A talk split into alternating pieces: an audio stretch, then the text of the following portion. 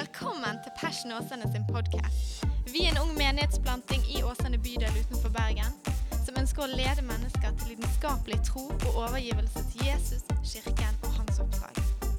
Takk for at du lytter til vår podkast, og vi håper du blir oppmuntret og utfordret i din etterfølgelse av Jesus. Eh, Nå De neste mandagene så skal vi ha eh, forkynnerkvelder. Så dere må bære over meg. Jeg har ikke vært på forkynnerkveld ennå. Men etter jul, hvis jeg preker da, da har jeg vært på forkynnerkveld. Så da skal det bli skikkelig bra. Eh, du, eh, jeg har først lyst til å skryte litt. for at, eh, nå I høst så begynte vi med en eh, taleserie som het Basic, der vi snakket om omvendelse, tro, vanndåp og åndsdåp. Og jeg syns det var skikkelig skikkelig bra. Er det noen som fikk med seg eh, noe eller alt? Jeg, eh, for meg så var det liksom til liv for min trosvandring. Så det var skikkelig gøy. Og nå, sånn som Mats sa, så sveiver vi i gang med, med livsnært. Og Da skal jeg snakke om relasjoner, så skal vi snakke om sex og penger. Og det er på en måte noen ting som kanskje står oss litt sånn her tett på livet. Yes, Så det er veldig bra. Du, jeg eh, tenkte relasjoner det er kjempegøy å prate om. Og det er kjempegøy å snakke om relasjoner.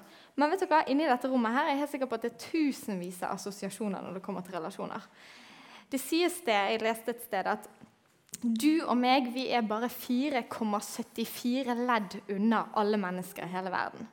Hvordan er det mulig, tenker du? De sier det at hvis jeg, en i mitt nettverk, hvis jeg har lyst til å finne en eller annen person et eller annet sted i Afrika eh, så jeg, Hvis jeg kjenner noen som kjenner noen som kjenner noen som kjenner 0,75 ca., så er man kommet til den personen. Er ikke det ganske vilt? Så mange relasjoner har vi i livet vårt. Jeg var sånn Sånn, kanskje? Ja. Men du, vi skal snakke om relasjoner, så vi tar en bønn sammen. Jeg trenger det i alle fall. Jesus, vi takker deg for at du er her. Takker deg, gode Hellige Ånd, for at du bor på innsiden av oss. Og jeg takker deg, Hellige Ånd, for at du kan åpenbare ting, du kan eh, sette lys på ting. Takker deg, Hellige Ånd, for at du hjelper meg. Og jeg ber Gud om at vi skal få lov til virkelig å, å eh, se verdien av relasjoner. At vi skal få lov til å sette pris på relasjoner, og vi skal få lov til å være frimodige når det kommer til relasjoner. I ditt gode navn, Jesus. Amen. Jeg har lyst til å begynne med at vi er skapt til relasjon. Og jeg har lyst til å begynne med å si at vi er skapt til relasjon med Gud. Bibelen er fra første side og til siste side så handler det om relasjoner. Det er ganske vilt. Jeg nå De siste ukene har jeg hatt relasjonsbriller på. Sant? Du vet at Når du skal preke om et eller annet, så blir du ekstra obs på alt som har med relasjoner. Og jeg vet det, meg og Daniel, jeg ser litt og spør Gud, her er relasjoner, her er relasjoner, der er relasjoner, der er relasjoner. Så Bibelen stappfull av relasjoner. Det er kjempebra. Men tenk at vi må begynne i første Mosebok, i kapittel 1. For der ser vi at vi har med en relasjonell Gud å gjøre sitter han, Jeg føler han bare glir av gårde sånn. Å nei. Sånn, Kanskje jeg har for tungt hår. Ja, sånn. Ja, at vi har med en relasjonell Gud å gjøre. I første Mosebok så står det eh, Da sier Gud 'la oss gjøre mennesker i vårt bilde'. Altså Med andre ord så sier Gud jeg har lyst til å kjenne noen. Jeg har lyst til at noen skal kjenne meg og så skaper han mennesket. Og Videre så står det og Herren Gud formet mennesket av jordens støv, og han blåste livets ånde inn i hans nesebor, og mennesket ble en levende sjel. Har du noen gang tenkt på Av og til er det gøy å bare liksom prøve å se ting for seg. Har du noen gang tenkt på hvordan det kan ha sett ut? Jeg tenker Adam ligger der på bakken, og, skal, og hvis jeg da skulle blåse noe inn i nesen til Adam, så må du ganske tett opp til en person. Nesten litt sånn for intimt for oss. sant? Du nærmer deg veldig. Og Jeg bare ser for meg hvordan Gud bare var så tett på Adam at han blåste inn i neseborene hans, og så ble han levende. Og Da tenker jeg videre sånn, wow, da må det første Adam har sett når han ble en levende sjel, det må ha vært rett inn i Gud. Han må liksom bare åpnet øynene og så bare Dette er liksom det han kjenner til. Det er bare sånn Gud. Ikke det fantastisk? jeg synes det er så gøy, for etter Anna kom nå eh, det blir jo litt sånn, eh, Anna opptar mye av min tid, mye av min eh, tankekapasitet. Og, og, etter hun ble født, så har man jo lest mye. Og da sier de det at babyer de første ukene etter at de er født, så ser de bare sånn 20-30 cm. Og det er akkurat ca. så langt som hvis du holder en baby sånn, enten at du holder babyen eller at han ammer, eller sånn, og så opp i dine øyne det er ca. Sånn 20-30 cm. ikke det rått at når vi blir født, så blir vi født Og så får vi lov, det, det, vi klarer å se i starten, det er opp i øynene på noen som elsker oss. Opp i øynene med no, i noen som har kontakt med livene våre. ikke det er ganske rått? Og det tenker jeg med Gud òg. Når Adam åpnet øynene, bare ser rett inn i en som har lyst til å ha kontakt med han, som har lyst til å kjenne han, som har lyst til at han skal være kjent igjen. sant? Så det er bare nydelig. Skal vi se. Og så tenkte jeg bare, jeg har lyst til å gjøre et, et poeng ut av at når Adam eh, så når han ble levende, så var ikke det første han så, det var ikke en hest eller en antilope eller en løve. Det hadde vært kult, men det var ikke det. Og det var ikke en søt liten kattunge, men det var Gud. Det var liksom det første Adam kjente til. Og i um, Skal vi se videre nå. Og I Forkynnerne 3,11 så står det også evigheten har han lagt ned i deres hjerter. I Salmene 33, vers 15 så står det at Gud har formet hjertet til hver enkelt menneske. Og så også I Johannes 17, 3, så står det det evige livet er å kjenne den eneste sanne Gud og Han du utsendte, Jesus Kristus. Hva er det jeg har lyst til å si? Jeg har lyst til å si det at det første, det som kanskje ligger dypest i oss mennesker, det er å ha en relasjon til Gud. Det er det som på dypet av vårt. Det er det vi trenger. Det var det vi var skapt til. Det var det å kjenne Gud og få lov å være kjent av Han. ikke det er ganske rått? Um, jeg må fortelle, nå er jo jeg, Alle vet jo her jeg er gift med Daniel. Og av og til i vår relasjon så jeg, jeg har fått begrep da, som heter 'grumpy Helene'. Det er ikke et fint begrep. Jeg har kommet på det sjøl, heldigvis. Det er finere å komme på det enn å bli fortalt det. Men grumpy Helene, da, vi har jo litt livsnært om relasjoner her, så det er jo kjekt å dele noen ting fra livet. Grumpy Helene hun står på kjøkkenbenken hjemme før Daniel er kommet hjem fra jobb. Og Grumpy Helene hun begynner å irritere seg over et eller annet. Som jeg ikke alltid klarer å finne ut hva er for noe. Men irriterer seg og irriterer seg. Og liksom, å Daniel, å, Og så kommer stakkars Daniel inn. da. Og han har fred og ingen fare. Og så sier han hei. Og Grumpy Helene da, hun er klar til å bli så sur at hun har ikke lyst til å snu seg engang. Så hun sier bare sånn Hei. Det er en dårlig start på en ellers eh, tenkt fin ettermiddag. Men det, Og det skjedde ganske mange ganger. Og det som, Så fortalt, snakket jeg med en venninne om det. Så, hva skal jeg gjøre? Så sa hun til meg du Helene, jeg lurer på én ting prøver, tror du eller tenker du at Daniel skal tilfredsstille noe i deg som han mest sannsynlig aldri klarer å tilfredsstille? Og så ble jeg litt sånn hmm. For Jeg syntes det var så vanskelig å finne ut hva det var. For jeg kunne liksom bare bli litt sånn småfrustrert ut av ingenting. Og så tror jeg også at Jesus har minnet meg på at vet du hva, Helene? det er områder av ditt liv og det er områder av alle her sitt liv og alle andre mennesker sitt liv som bare Gud kan tilfredsstille. Og jeg tror at noe med relasjoner Relasjoner er så utrolig mye. Sant? Det kan være fantastisk, og det kan være enkelt. Og det kan være kjempevanskelig og kjempeondt. Og vi har, alle har eksempler på mennesker som har gått fra hverandre, som har vært gift, eller vennskap som har fått en kjempestygt utfall, eller altså mange, mange ting. Og jeg tror at For oss mennesker så trenger vi å ha den relasjonen til Gud på plass. Og vi trenger å vite at hos Han er det ting i mitt liv som, som bare Han kan tilfredsstille. I meg så er det noe som bare Han kan tilfredsstille. Og det tror jeg lærte meg noe om. Grumpy Helene har lært meg noe. Det at jeg trenger Jesus. Jeg har hørt seg, mor til Runa faktisk, hun fortalte meg det. Helene, husk at Daniel han, sånn, han, er ikke en sånn supermann. Det er så mange damer som tror at de gifter seg med supermenn. Men de gifter seg faktisk bare med menn. Fordi at, og så sa hun det, Relasjoner kan bli veldig veldig vanskelig hvis du tror at den andre skal tilfredsstille alle dine behov. For det kommer aldri til å gå. Og det er jeg helt enig med. Vi trenger en Jesus som kan tilfredsstille det dypeste i oss. Det som da Adam våknet og så Gud. Det ligger i oss òg. Vi trenger å kjenne Gud. Ok. Også i, i Lukas 10,27 så står det Det er egentlig historien om den barmhjertige samaritan, men der står det du skal elske Herren din Gud av hele ditt hjerte, all din sjel, all din makt og all din kraft, og din neste som deg sjøl. Og da tenkte jeg, vet du hva, Det er en grunn til at det står i den rekkefølgen. En grunn til at vi skal elske Herren vår Gud først. Og det er akkurat på grunn av dette. Vi trenger å ha relasjonsplasseringen vår i orden. det er faktisk ikke bare til beste for oss sjøl, men det er til beste for alle menneskene rundt oss òg.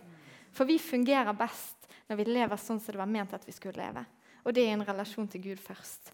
Men så er det òg ment at vi skal leve i relasjon til hverandre. Og Det snakker jo Bibelen òg om. Allerede sier han at eh, I kapittel 2 i første Mosebok så står det og det var ikke godt for mennesker å leve alene eller for mannen å være alene, så Gud skapte kvinnen. Så vi er også kalt til å leve i medmenneskelige relasjoner. Og det er jo kanskje der vi møter på eh, alle disse her eh, endene av en relasjon som kan være så utrolig lett og så utrolig vanskelig. Eh, skal vi se mm. Har dere sett den filmen som heter 'Cast Away'? Jeg, sett, jeg, tror jeg, sett, jeg tror jeg har sett den, men det er én ting jeg husker fra den filmen. da. Det er at det er en mann på en øde øy. Er det noen som har sett den? Det er en mann på en øde øy og han er alene litt for lenge. Og han finner seg en kokosnøtt jeg tror det er en kokosnøtt, og tegner ansikt på han og snakker med han. Og for meg er det litt sånn Ja, det var jo spesielt. Og så tenker jeg sånn Hadde jeg vært lenge nok på en øde øy, så hadde kanskje jeg funnet meg en kokosnøtt. jeg var. Og jeg tror mange også hadde gjort det, for vi er skapt til å leve i medmenneskelige relasjoner. Så hvis vi ikke ser noen som ligner på oss sjøl, eller vi kan snakke med noen som, som vi forstår, så begynner vi liksom å tenke herlighet, jeg må ha noen. liksom. Jeg må snakke med noen. Og så går, tyr du til kokosnøtten. på en måte. Og så kan de nesten bli så levende for deg at du tror. Du tror det er en ekte person. Eh, og det er òg fascinerende. Etter Anna ble født, så, så sa helsesøster Hun var på besøk hos meg i Norge. Et fantastisk system der ting bare ruller og går altså, når det kommer til eh, svangerskap og fødsel og de tingene der. Men da kom hun og sa hun, husk Helene, at babyer er sosiale mennesker. En baby kan dø hvis han ikke får sosial kontakt. Så vi har behov for, vi har behov for Fra du er helt liten, så har du behov for kontakt med andre mennesker òg. Så man ikke havner med denne kokosnøtttilværelsen. Eller i verste fall for babyen at du kan dø pga. at du ikke får sosial kontakt. Jeg leste òg en, en, undersøkelse som viser det at eh, ensomhet i Norge det kalles eh, det usynlige folkehelseproblemet. kan vel Lina ha hørt om. Jeg har iallfall lest det et sted. Og Der står det at, at, at mennesker som Eller én av fire som er mellom 16 og 24 eller over 80 år, de kjenner seg ensomme. Og Ensomhet kan faktisk føre til at du får dårligere helse, og at du dør tidligere. Er ikke det helt sprøtt? Ensomhet, noe som på en måte er så mye i sjel, kan føre til dårligere helse og tidligere død. Altså For meg er bare alle disse tingene. Babyer kan dø uten sosial kontakt. Dårligere helse, tidligere død, kokosnøtt på øyen. Alle disse tingene viser oss hva? vi trenger hverandre. Vi trenger medmennesker. I Forsynerne 4 så står det det er bedre å være to enn én. For de får god belønning for sitt strev. For hvis de faller, vil den ene reise opp sin venn. Men ved den som er alene når han faller. For han har ingen annen til å reise seg opp igjen. Likeså når to ligger sammen, holder de seg varme. Men hvordan kan en som ligger alene, holde seg varm? Selv om den ene kan bli overmannet av en annen, så kan to holde stand mot han. En tretvinnet snor blir ikke så snart revet over. I dag så har vi en tilbøyelighet til å ha lyst til å leve i et sånn solosamfunn. Så lenge jeg kommer meg opp og fram, så er det det som betyr noe. Og jeg er bare i en relasjon hvis det gagner meg på en eller annen måte. Ikke litt sånn vi har det? Folk liksom bare baner seg vei. De skal opp og fram. sant? Men, men Bibelen løfter opp annet, en annen standard. Guds ord sier at det er visdom ikke å stå alene, men at det er visdom å stå sammen med noen andre. For da står man mye, mye tryggere. Det er nesten sånn Oi, du klarte deg alene. Det var flaks. For det egentlig er ikke det normal. Normal er egentlig at man klarer seg mye bedre sammen. Ikke litt sånn? Sånn tror jeg eh, Guds ord snakker om det. Og så har jeg lyst til å lese en kjempegøy eh, fortelling for dere fra 2. Mosebok 17 og vers 9. Er dere klar for det? Det er noen eh, setninger her. Amalek kom og stred mot Israel i Refidim. Moses sa til Josva Velg ut noen menn og dra så ut og strid mot Amalek. I morgen skal jeg stille meg på toppen av høyden med Guds stav i hånden. Josva gjorde som Moses sa til ham, og han stred mot Amalek. Moses, Aron og Hur gikk opp på toppen av høyden. Da skjedde dette. Så lenge Moses holdt opp hånden sin, hadde Israel overmakten. Men når han hvilte hånden sin, hadde Amalek overmakten. Men hendene til Moses ble tunge, forståelig nok. Derfor tok de en stein og la under han. Han satte seg på den, og Aron og Hur støttet hendene hans. En på den ene siden og en på den andre siden. Da var hendene hans døde helt til solen gikk ned. Josva nedkjempet Amalek og hans folk med sverdets egg.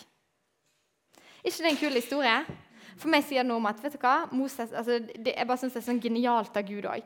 Altså, vi kan jo prøve. Hvis du har lite å gjøre på en dag, bare sitt med én hånd oppe eller to, så kan du se hvor lenge det går. Du klarer aldri en hel dag. Det er ikke sjans. Men så det at jeg synes Guds ord så utrolig godt viser opp at det er meningen er at vi skal ha mennesker i livene våre. Mennesker som vi vandrer sammen med. Mennesker som, som heier på oss, som bærer oss når vi ikke klarer å bære oss sjøl. Og som minner oss på òg. Jeg tipper Moses trengte nok å bli minnet litt på. Vet du hva? Det er en grunn til at du gjør dette her. Det er en hensikt for at du står med hendene oppe sånn, selv om det føles veldig veldig fristende å ta dem ned iblant. Eh, et eksempel fra mitt liv Um, nå var det heldigvis ikke så mye som sto på spill som uh, den kampen der. Men jeg skrev masteroppgave Når noen sier masteroppgave, så får jeg sånn oh, medlidenhet. Masteroppgave er ikke veldig feil, folkens. det er egentlig ikke det. Men det året jeg skrev masteroppgaven, så tror jeg møtte på ganske mange ting i mitt eget liv som gjorde at den masteroppgaven den gjorde meg kvalm bare av å tenke på den. Til slutt så var det sånn at jeg spiste forholdsvis dårlig. Skulle tro jeg var gravid, jeg var ikke det da. Men eh, jeg spiste litt sånn dårlig. Jeg syns alt bare var sånn passe greit. Og, eh, og, da trengte jeg å ha sånne mennesker i livet mitt som sa Helene, dette kommer du gjennom. Og som talte sannhet til meg, som talte tro til meg og sa jeg heier på deg. Helene. Hold ut var kanskje noen av de beste. Det var liksom bare hold ut. og sånne ting. Så vet du hva, Vi trenger folk i livene våre som bare står med oss, som bare holder hendene våre oppe når vi sjøl ikke klarer å holde dem så godt. Ok, du, Jeg har lyst til å vise dere et bilde som jeg er kommet på. Eller jeg ikke tror jeg kom på det. i hvert fall. Oh, oh. Der var lyd. Eh, er det et bilde til der, Børge? Ja, relasjonshagen. Har dere hørt det ordet før? Nei? Kanskje ikke? Det er jeg, I så fall er det jeg som har kommet på det. hvis ingen har hørt det før. Uh Du, Relasjonshagen da, den er veldig gøy. fordi at um, Jeg begynte å tenke på relasjoner. Og relasjoner det er jo Alle her inne kunne hatt en tale om relasjoner. Jeg er helt 100% sikker, for vi lever i så mange relasjoner hver eneste dag. Eh, men relasjonshagen i mitt liv, når jeg er i ulike relasjoner, så kan jeg bestemme meg for hva jeg har lyst til å ta med inn i en relasjon. Og En relasjon består jo av, av ikke bare meg, men en annen. Man kan snakke om relasjon til seg sjøl, men eh, akkurat nå snakker vi om relasjon til andre. Eh, og Den består av meg på ene siden og en annen på andre siden. Og relasjoner er som en hage. Hvis den pleies godt, så er det godt å være i den hagen. Da vokser det god frukt der, det er fint der, er liksom, du slapper av når du er der. Eller så kan en, hvis en hage ikke pleies veldig godt, eller den pleies dårlig, eller ikke pleies i det hele tatt, så er det ikke så veldig godt å være i den. Så de frøene som vi planter i våre relasjoner, i våre relasjonshager, det har noe å si for hva som vokser opp der. Og så har jeg tenkt på det i det siste, noe som faktisk er litt frigjørende. At vi har alle relasjoner som er krevende. Men relasjoner består jo av to mennesker. Så det er ganske sånn frigjørende å kunne tenke på at vet du hva, jeg har ansvar for min del av hagen. Eller, eller, jeg har ansvar for hva jeg planter i hagen. Jeg kan ikke bestemme hva den andre har lyst til å plante i hagen. Kanskje den andre har lyst til å plante negative ord, usikkerhet, um, pessimisme. Sant? Men jeg har ansvar for hva jeg planter i hagen i de relasjonene som jeg er i. Og det er litt frigjørende. For det det er ikke vårt ansvar akkurat hvordan relasjonen kommer til å se ut. Men vi har ansvar for hva vi planter i hagen. Ok. Og jeg tenkte Nei, jeg skal lese først. I Romane 13,8 så står det 'Bli ikke noen noe skyldig uten det å elske hverandre'. ikke det er fint? Det er vår oppgave. Det vi skal bli andre skyldig, det er bare å elske dem. Det, liksom, det skal vi gjøre. Hvis jeg liksom Ja, hva skylder du, eller hva er det du har gjort? Nei, jeg har elsket den andre. Det var sånn OK, Det er vår oppgave. Eh, og så tenkte jeg skulle dele med dere noen sånne her eh, frø som i mitt liv, enten andre som har vært mot meg, eller jeg har oppdaget at dette er godt for en relasjon. Så jeg skal få lov å dele bare noen sånne frø eh, som er gode å ta med inn i en relasjonshage. Og så har det sikkert vært tusenvis av andre hvis dere andre hadde stått der oppe òg. For man har gjort seg ulike erfaringer, og man har eh, eh, ulike ting som man på en måte brenner for og som kanskje ligger nær til personligheten vår òg. Men jeg har lyst til å dele noen med dere. Og Den første da må jeg stå faktisk på denne siden, for dette er fine ting. Sånn. Det er takknemlighet. Takknemlighet det er en sånn fanta sånn fantastisk frø inn i relasjoner. Jeg har en liste i en bok. Det vet ikke Daniel om, men nå vet han det. Eller får han vite det. Kanskje han leter etter den boken når vi kommer hjem. Men jeg har en, en liste i boken der det står 'Takk, Daniel'. Der er bare sånn jeg skrevet ned alle mulige ting som jeg er takknemlig for med Daniel. Fordi at Når jeg er takknemlig, så investerer det noe inn i vår relasjon. Ikke først og fremst, Han vet jo faktisk ikke om det, nå vet han om det. da. Men det er av det gjør noe med mitt hjerte, med min holdning i møte med Daniel. Og i min holdning i møte med andre mennesker. Hvis du er takknemlig. Jeg gjorde noe veldig praktisk. Jeg tippa, jeg det sikkert var Den hellige ånd, men nå er det så lenge siden.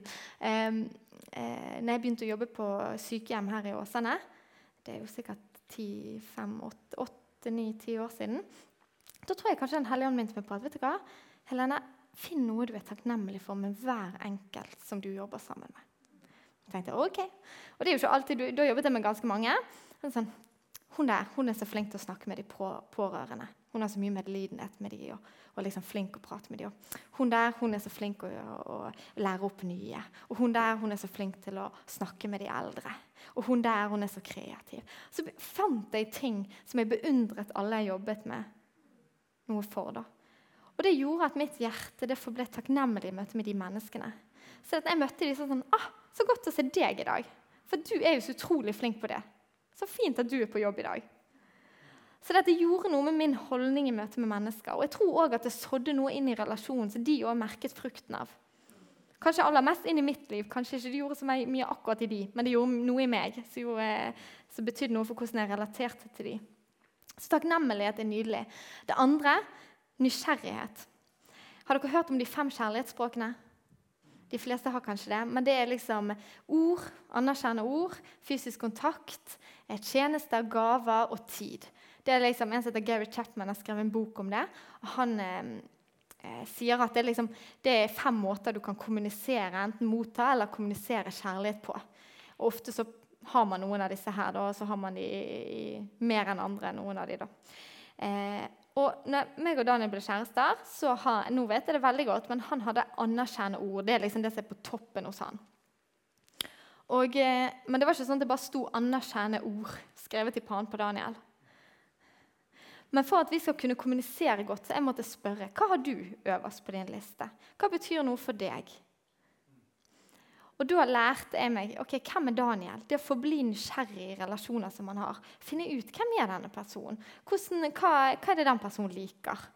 Hvorfor kjøpe masse gaver til Daniel hvis han egentlig har lyst på et kort? Så jeg har sluttet med gavene nesten. Nei, ikke det. Men jeg har sluttet litt med gavene, så tar jeg kortene istedenfor. Så Istedenfor å kjøpe en sjokolade, så kjøper jeg et kort. Og så skriver jeg noen ord. Og det er helt supert. Og Daniel han har sagt det sånn når vi hadde vært kjærester i tre år, så sa han nå har jeg en bachelor på Helene.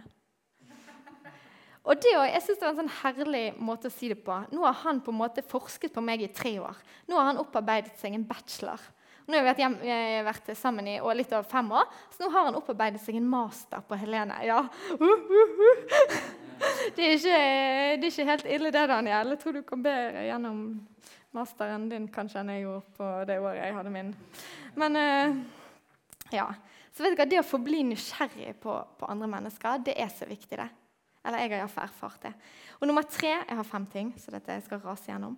Nummer tre myke hjerter. Eh, det står noe i Matteus når Jesus snakker om skilsmisse og ekteskap. og sånt, Så spør de han, hvorfor ga Moses oss lov til å skille oss hvis du sier at vi ikke skal skille oss. Og Da sier Jesus på grunn av eh, deres harde hjerter tillot Moses dere å skille dere fra, fra kone deres. Men fra begynnelsen var det ikke sånn. Og da tenker jeg, Hva er nøkkelen her? Det er harde hjerter. Hvis vi har myke hjerter, så får ikke vi alle de klinsjene i relasjoner. Og Dette her trenger ikke bare gjelde ekteskap, jeg tror det absolutt gjelder ekteskap, men, men alle andre relasjoner òg. Det å ha myke hjerter. Tenke sånn Var det egentlig det Daniel mente når han sa det? Eller var det det Mats mente? Eller skal jeg spørre en gang til Mats, var det det du tenkte på, eller var det egentlig noe annet? Og sier han å nei, nei, det var ikke sånn jeg mente det. Jeg tenkte på dette. Og det er jo bare å si at ok, jeg prøver å ha et mykt hjerte og være mer sånn spørrende. ok, Hva tenkte du egentlig? Og tro det beste om de andre. Eh, det tror jeg er kjempeviktig. Og det er faktisk, Myke hjerter er faktisk en, kun en inside job. For vet du hva, livet kan møte en med ganske mye forskjellig. Og det at, Da kunne vi hatt harde hjerter for lenge siden, hele gjengen. For livet møter en med såpass mye at man kan stenge igjen. Men det å bare si nei, jeg har lyst til å ha et mykt hjerte. Jeg har lyst til å tro det beste om de andre. Nummer fire det er bønn. Har du noen gang merket at hvis du finner ut at jeg skal be for den personen, og du ber en stund for den personen, noen dager, uker, så plutselig er du ganske glad i den personen. Det er fascinerende. her. Jeg, sånn, jeg, husker jeg hadde en på videregående som jeg ikke, eh, ikke, gikk så godt overens med. Og så tenkte jeg ok, jeg må gjøre noe med dette. Så jeg skrev en bønnelapp liksom over livet hennes. Og jeg leste den. vet du. Leste den og leste den og leste den. Til slutt var jeg så glad i henne. vet du. Det var sånn, jeg tror vet ikke om hun merket noen forskjell, sånn, for vi var ikke veldig gode venner. vi var ikke veldig nært på, Men jeg bare kjente hun der syns jeg er en jente. Og det er liksom, Når du ber for noe, så gjør det noe med, med måten du tenker om de personene. Men det gjør òg noe med at du sår inn i noen andre. For vi tror jo at bønn gjør noe. Så hver bønn du ber, betyr jo et eller annet for den personen sitt liv. Og så nummer fem, det er kraftfullhet. Jeg vet på en måte ikke om det er et ord som vi liksom har diktet opp sånn i altså vi snakker om i, kanskje litt sånn i våre settinger. Men kraftfullhet er kanskje et ord som liksom har revolusjonert livet mitt de siste årene. Det at jeg kan tro sannheten eh, om den Gud sier at jeg er. At jeg tar ansvar for livet mitt, og at jeg ikke tror at jeg er et offer. Det gjør at jeg kan si ok, jeg har opplevd disse tingene her, men jeg trenger ikke leve sånn lenger. Og si at ok, du kan si det mot meg, men jeg trenger ikke liksom si at å, jeg er et offer for det liksom, og bare vente på at den andre personen skal komme og be om tilgivelse. Men liksom ta ansvar for livet mitt og si vet du hva, jeg har tenkt å være den Gud har kalt meg til å være uansett hva du eller du eller du eller du mener om livet mitt. Og kraftfullhet har ikke dere merket at det er veldig deilig å være rundt mennesker som eh, vet hvem de er. Og som bare sånn 'Å, så konge at du er kjempeflink å synge.' Jeg er ikke flink å synge i det hele tatt, men jeg er god på dette. Og så kan du på en måte få lov å være den du er, og de er bare sånn her kjempehappy for at du kanskje enten er mye bedre eller mye dårligere. Det gjør liksom ingenting. for sånn, Jeg vet hvem jeg er, liksom. Ikke deilig å være rundt sånne mennesker. Jeg syns det er helt nydelig. Du, jeg har lyst til å si noe avslutningsvis. Eh, og det er Er det noen her inne som kan strikke? Ja, her er det bare å være frimodige. Bodil, ja. Daniel, du kan ikke strikke, tror jeg. Ingrid Elisabeth kan strikke. Du, jeg, Vær med på dette bildet her. Jeg er ingen strikker. På en god dag så kan jeg strikke én babysokk. Neste dagen så kan jeg strikke også en babysokk, men den ser jo aldri lik ut til den som jeg strikket dagen før. Så jeg er best på én babysokk. Da blir det på en måte greiest mulig. Men mine strikkeprosjekter de har forholdsvis mange feil. Um, så hvis du skulle brukt, hvis Mats skulle lært seg å strikke, og han skulle sett på min babysokk da, Oi, oi, oi, ja. Det er en stygg tanke. Nei da. Nei, kanskje du er en god strikker, Mats. Det kan være. Nei, men så kan det godt være Eller den sokken hadde fått veldig mye feil. For du ser på et produkt som er forholdsvis haltende. Det er kanskje en babysokk, men det er litt sånn det er på en god dag en babysokk. Eh, for det at mal du brukte, den var ikke helt eh, korrekt.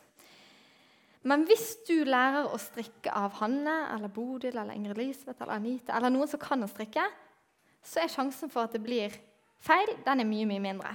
Mest sannsynlig så kommer det til å bli noen feil. Men da kan du gå, gå til en av de og så kan du spørre kan du hjelpe meg å rette opp i dette. her? Kan du vise meg hvordan det egentlig var ment å være?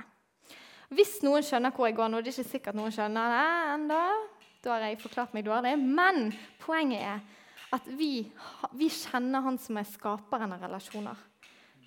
Og vi vet hvor vi skal gå med relasjoner. For vi kommer til å stå overfor en hel haug med relasjoner i livet vårt. Ekteskap, venner, kollegaer, sjefer, naboer, folk på gaten. Enorme mengder relasjoner kommer vi til å møte i kirken.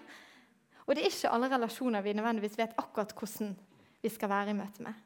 Men vi kjenner han som har skapt relasjoner, han som har tanken bak relasjoner. Og da vet vi, om vi ikke er så gode på å strikke relasjoner, så vet vi hvem som kan strikke relasjoner. Og så kan vi gå til han. ikke det er fantastisk? Mm. I dag så kommer det til å være åpent eh, etterpå for forbønn. Og det blir skikkelig bra. Og nå har jeg bare delt litt av mitt hjerte når det kommer til relasjoner. Eh, og noe av det som datt ned i hodet mitt når jeg forberedte meg. Men kanskje er du her og kjenner at det med relasjoner er skikkelig vanskelig. Kanskje har du liksom generelt, enten om det er relasjon til Gud, eller om det generelt er bare jeg synes relasjoner er vanskelig, eller om du har liksom en du tenker på at dette synes jeg er skikkelig komplisert. Så oppmuntrer jeg deg, oppfordrer deg til å gå fram og bare bli bedt for. Man trenger ikke nødvendigvis å legge ut om alt hva det gjelder. Men kanskje det er godt at noen bare står sammen med deg og bare ber sammen med deg. Og kanskje kjenner du også at det er ikke alle relasjoner man har vært helt som man har behandlet sånn som man har lyst til å behandle relasjoner med å så inn de gode frøene. Kanskje har man stått på andre siden og sådd inn noen ikke så gode frø. Kanskje man har lyst til bare liksom, sammen med en annen bare si at OK, jeg har gjort det, bekjenner det for Gud, men herfra så har jeg lyst til å være en som så gode frø. Er dere med på det? Nydelig. Mathias, vil du eh, komme opp? Og Så tenker jeg vi tar en sang, og så ber vi en bønn. Har dere lyst til å reise dere opp?